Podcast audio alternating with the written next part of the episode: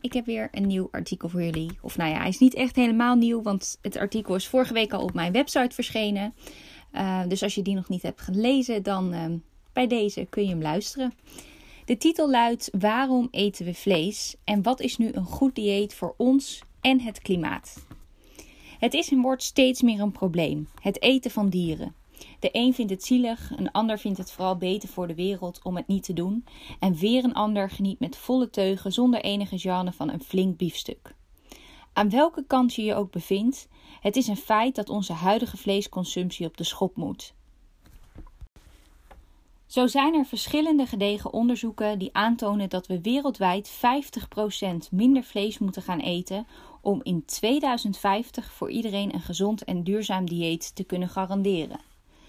Ook bij het opstellen van het klimaatakkoord in Nederland is onze voedselconsumptie een belangrijk onderwerp. Zo staat er in dit akkoord, dat in 2019 is opgesteld, dat we meer groente en fruit moeten gaan eten en dat onze dierlijke eiwitinname omlaag moet. Dit is niet alleen beter voor de wereld, maar ook gezonder voor de mens. In Nederland zijn op dit moment meer mensen overvoed dan ondervoed. En de hoge consumptie van vlees en zuivel is gekoppeld aan verschillende welvaartsziekten, zoals hart- en vaatziekten, kanker en diabetes type 2. Toch lijkt het merendeel van de Nederlanders dat niet echt heel veel uit te maken. Nog wekelijks vergaap ik me in de supermarkt aan mensen die de loopband vol stapelen met kilo's kip en grote lappen vlees. Niet meer van deze tijd, denk ik dan. Maar is het ooit wel helemaal normaal geweest? Waarom eten we eigenlijk vlees? Is het niet beter om massaal over te stappen op een vega of vegan dieet? Ik ging op, op zoek naar het antwoord. Evolutie. Het eten van vlees heeft ervoor gezorgd dat we vandaag de dag zijn zoals we zijn. Al ligt onze verre oorsprong in een plantaardig dieet. Dat zit zo. Het was de Homo erectus, de allereerste menssoort, de voorouder, voorouder van de Homo sapiens, dus dat is de huidige menssoort, de soort die wij zijn, die voor het eerst vlees en andere dierlijke eiwitten ging eten. De voorouders van de Homo erectus aten echter alleen plantaardig voedsel. Waarschijnlijk heeft de verandering in het eetpatroon te maken met een verschuiving van het klimaat. Het werd droger en warmer op aarde, waardoor planten, zaden en fruit schaars werden. Experts noemen deze periode een evolutie, omdat de switch in ons dieet ervoor heeft gezorgd dat we een explosieve ontwikkeling doormaakten. De omvang van onze hersenen nam toe en we gingen steeds meer rechtop lopen. We kregen het vermogen om gereedschap en werktuigen te ontwikkelen om efficiënter mee te jagen en bedachten methodes om de voedselvergaring te vergemakkelijken. Een studie die nog niet zo lang geleden gepubliceerd is in het tijdschrift Nature toont aan dat deze vooruitgang niet mogelijk zou zijn geweest zonder het eten van vlees. Maar hoe zit het dan met het vegetarisme? Ondanks dat we dus letterlijk en figuurlijk groot zijn geworden door middel van dierlijke eiwitten, zijn sommigen daar op een gegeven moment ook weer van afgestapt. Maar waarom? Voor zover we weten is het vegetarisme ruim 500 jaar voor Christus ontstaan. In het radioprogramma OVT op de NPO 1 ligt Dirk-Jan Verdonk, historicus, vegetariër en schrijver van het boek Dierloos, de geschiedenis van het vegetarisme toe. Er volgt een citaat van Verdonk. De filosoof en wiskundige Pythagoras was grondlegger van het Pythagorees dieet, waarbij geen vlees werd gegeten. Zo legt Verdonk uit.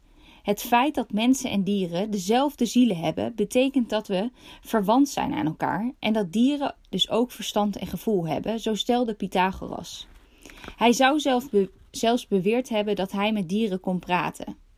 Dat maakt het niet alleen moreel fout om een dier kwaad te doen, het is ook ronduit barbaars om ze op te eten.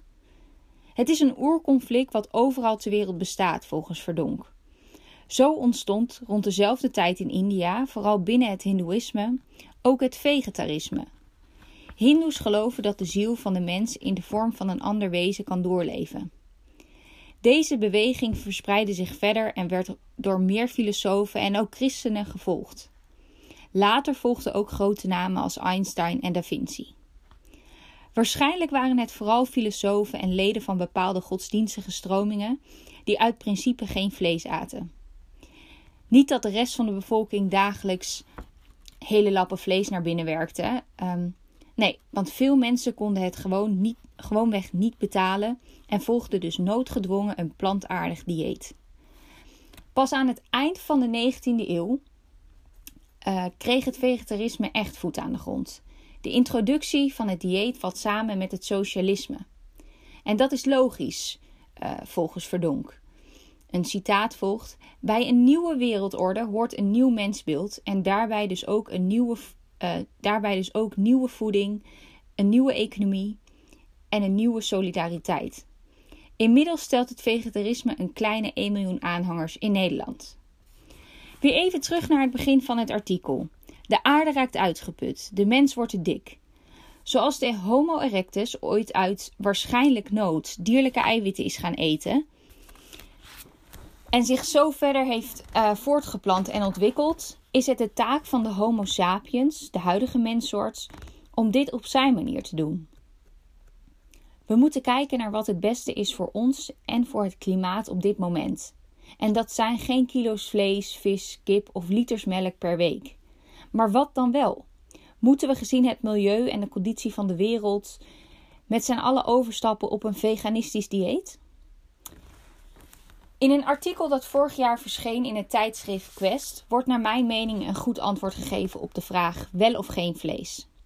Volgens hoogleraar dierlijke productie, productiesystemen Imke de Boer van Universiteit Wageningen ligt de basis van een verantwoord en gezond dieet, of dat nu vegetarisch is of niet, in een zo efficiënt mogelijke productie, productie van ons voedsel. Ofwel, we zouden volgens de boer zo weinig mogelijk grond moeten gebruiken om ons eten te verbouwen. Zo besparen we niet alleen honderden hectare regenwoud, die bijvoorbeeld nu nodig zijn om soja te verbouwen, maar ook een hoop water. 1 kilo rundvlees vraagt om 15.000 liter water. En we besparen een hoop energie, wat weer ten goede komt aan het klimaat. Een citaat van de boer. Op dit moment wordt meer dan 70% van de landbouwgrond gebruikt voor veeteelt. Weilanden met koeien, maar ook uitgestrekte akkers vol mais, dat voedsel is voor diezelfde koeien. Zo is een derde van het graan dat we wereldwijd verbouwen veevoer. De boer stelt dat het veel efficiënter zou zijn als we die granen zelf opeten. Producten die wij zelf kunnen eten, moet je volgens haar niet aan dieren geven. Maar wat voeren we deze dieren dan wel? De boer legt uit ehm, dat het verbouwen van mensenvoer vanzelf diervoer oplevert. We noemen dit een systeem dat gebaseerd is op reststromen. In plaats van apart dierenvoedsel te verbouwen, zouden we de dieren onze resten moeten voeren. Zo blijft van suikerbieten bietenpulp over. Stro bestaat uit stengels van granen en de frietfabriek blijft met uh, de aardappelschillen zitten. Dit zijn allemaal resten die dieren prima kunnen eten, die de mens dus liever niet opeet. Um, nou, voer je deze reststromen aan dieren, dan brengen ze dus op hun beurt weer melk, eieren en uiteindelijk ook vlees op. Want het bijhorende vlees kun je opeten als het dier overlijdt. Wanneer iedereen veganistisch eet, kun je die reststromen niet benutten. De voedingsstoffen die je uit vlees kunt halen, moeten dan uit planten komen. En daarvoor is wereldwijd weer veel meer landbouwgrond nodig en ook veel meer water dan voor een beperkte veeteelt op basis van reststromen. Zo'n systeem gebaseerd op reststromen kan alleen bestaan als we met z'n allen dus veel minder dierlijk eiwit gaan eten. Nou, de boer heeft dit berekend hoeveel dat dan precies is. En zij zegt: wanneer je een dieet volgt dat gebaseerd is op uh, reststromen, kun je per persoon ongeveer 23 gram dierlijk eiwit per dag eten. Momenteel eten we bijna drie keer zoveel dierlijk eiwit per dag. Veel meer dan we nodig hebben. 23 gram is ongeveer een beker melk per dag en 70 gram vlees. En om de dag een eitje. 100 gram vlees, dat kan op zich ook, dat zijn 20 gram eiwitten. Um, alleen kan je dan de rest van de dag geen dierlijk, dierlijke eiwitten meer nemen, zo stelt de boer. Dus kortom, is dit dan de oplossing? Uh, ja en nee. We zijn helaas nu nog niet op het punt dat we gebruik maken van een systeem gebaseerd op reststromen. Wel zou dit dus een veel betere oplossing zijn voor ons klimaat, onze gezondheid en uiteraard het leed van de dieren. Maar hoe komen we daar? Wanneer we ons massaal beperken tot zo'n ruime 20 gram aan dierlijk eiwit per dag, wat meer dan haalbaar en realistisch is, zullen we automatisch meer ander soort voedsel gaan eten. Voedsel waarbij over het algemeen meer dieren, water en uitstoot van CO2 bespaard blijven. Daarnaast speelt de afkomst van ons voedsel ook een belangrijke rol. Je spersiebonen laten overvliegen vanuit Marokko, terwijl ze bij wijze van uh, over een maand ook te verkrijgen zijn bij de boer om de hoek, is niet heel klimaatbewust. We zullen ons dus meer moeten bekommeren over de impact en afkomst van ons voedsel in het algemeen. Hoe meer mensen dit doen en deze richtlijnen volgen, des te eerder er een systeem kan bestaan dat wel op basis van reststromen werkt. Het is de hoogste tijd voor een dieet dat past bij de Homo sapiens. Een dieet dat past bij onze tijd en ons klimaat. En daarmee komen we aan het eind van het artikel. Ehm, dat was hem dus weer voor vandaag. Um, ja, we vinden de oplossing dus in een juiste balans. Wat denk ik voor uh, heel veel dingen in het leven geldt.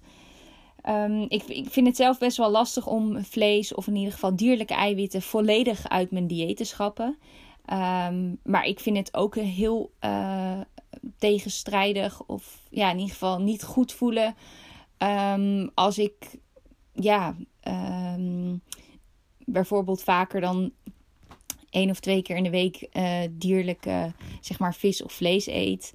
Of op een dag, uh, ja, drie bakken kwark en, en uh, melk. En s'avonds ook nog eens een, een stukje kip naar binnen werkt. Dan voelt dat voor mij ook niet goed.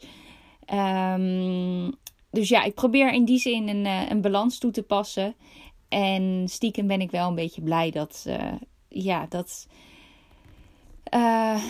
Imke de Boer van de Universiteit Wageningen dus een, een goede oplossing ziet in een systeem waarin het allebei kan. En um, ja, dus ik, nou ja, goed. Ik hoop dat dit je aan het denken heeft gezet. En dankjewel voor het luisteren. Tot een volgende keer.